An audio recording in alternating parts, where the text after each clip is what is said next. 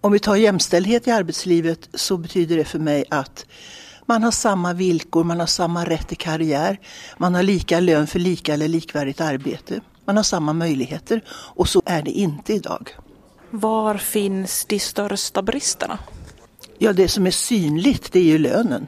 Att kvinnor tjänar mindre än män för lika eller likvärdigt arbete. Och naturligtvis också att kvinnor tjänar ännu mycket mindre om man då tar hänsyn till att kvinnor arbetar deltid. Kvinnor finns i kvinnodominerade arbeten. Vad förlorar vi då tror du i form av dynamik, ekonomisk vinning, mm. att arbetsmarknaden fungerar på det sättet? Ehm, jag tror att vi förlorar mycket och det visar också forskning som jag har haft i Sverige. Nämligen att en arbetsplats som, där både kvinnor och män finns, den arbetsplatsen upplevs som mycket bättre ur arbetsmiljösynpunkt. Det är roligare helt enkelt att arbeta på en sån arbetsplats. Sedan om man går till ledningar, som jag också har tittat på under mina år som jämställdhetsminister. Ledningar tenderar ju också att bli väldigt likformiga. Och när jag började att titta på det här 1999 då var 6 procent av börsbolagens styrelser kvinnor. Och det gör ju då att man, har, man får likadana i styrelsen. Och då förlorar man just det du säger, kreativitet, annorlunda tänkande, nya idéer. Och det är klart att det är väldigt mycket jobbigare än att följa John. Men eh, det har ju också visat sig att det ger ett mer lönsamt företag. Man tjänar pengar på att ha fler kvinnor i ledningen. Eftersom det här är forskat kring, vi vet de här sakerna, i alla fall i princip. Varför eh, går det fortfarande, på vissa håll i alla fall, så trögt framåt? Det går trögt framåt. Därför det är bekvämt. Och därför att det handlar om makt. Jag vet inte att någon frivilligt har lämnat ifrån sig makten. Och då fortsätter det om man inte då utifrån på något sätt sätter press på att makten ska förändras, makten ska fördelas på ett annat sätt. Och det gjorde vi ju i Sverige och det gör man inom EU. Till exempel då att man säger att x procent av börsbolagens ledamöter ska vara det ena könet. Det gör skillnad. Och eh, samma gäller ju inom politiken där jag själv har varit med och satt upp mål. Att sätta mål också se till att målen nås. Jag tror man måste göra det för annars händer ingenting.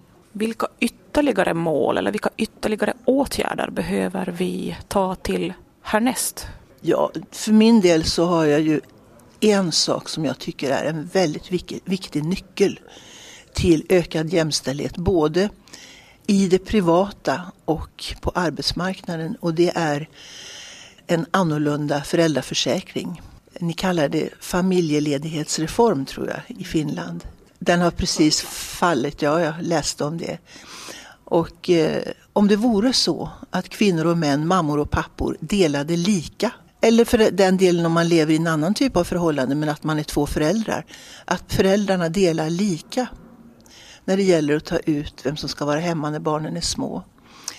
Då skulle vi vinna väldigt mycket. Därför att vi har också sett i Sverige att par, hur de än ser ut, upplever sig som hyfsat jämställda till de får ett barn. Då händer det någonting. Och det som händer i Sverige det är att mammorna tar ut den mesta delen av föräldraförsäkringen. Och så kanske de får ett barn till och då fortsätter detta. Och det är klart med två små barn så är det jobbigt att två arbetar heltid och då tar mamman deltid. Och detta beteende, det straffar sig. Hon får lägre lön, hon har inte samma möjligheter till karriär och det straffar sig ända in i döden brukar jag säga. För att också in i pensionen och ända tills man inte lever längre så får man så att säga blir man straffad för det man gjorde när barnen var små. Här i Vasa brukar vi säga att vi är väldigt stolta över vårt så kallade energikluster. Här finns en hel del exportindustri, lite olika branscher men mycket export.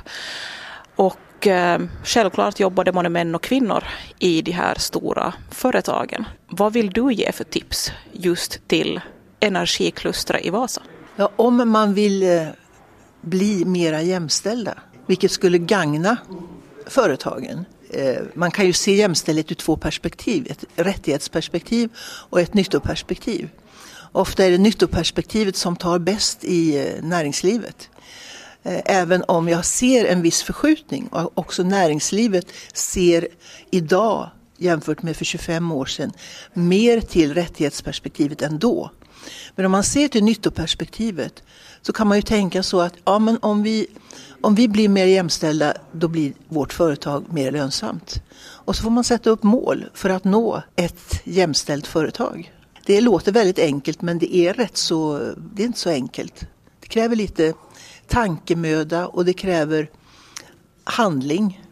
Och sen blir det lite jobbigt också. Men jag tror att man får ut väldigt mycket på slutet.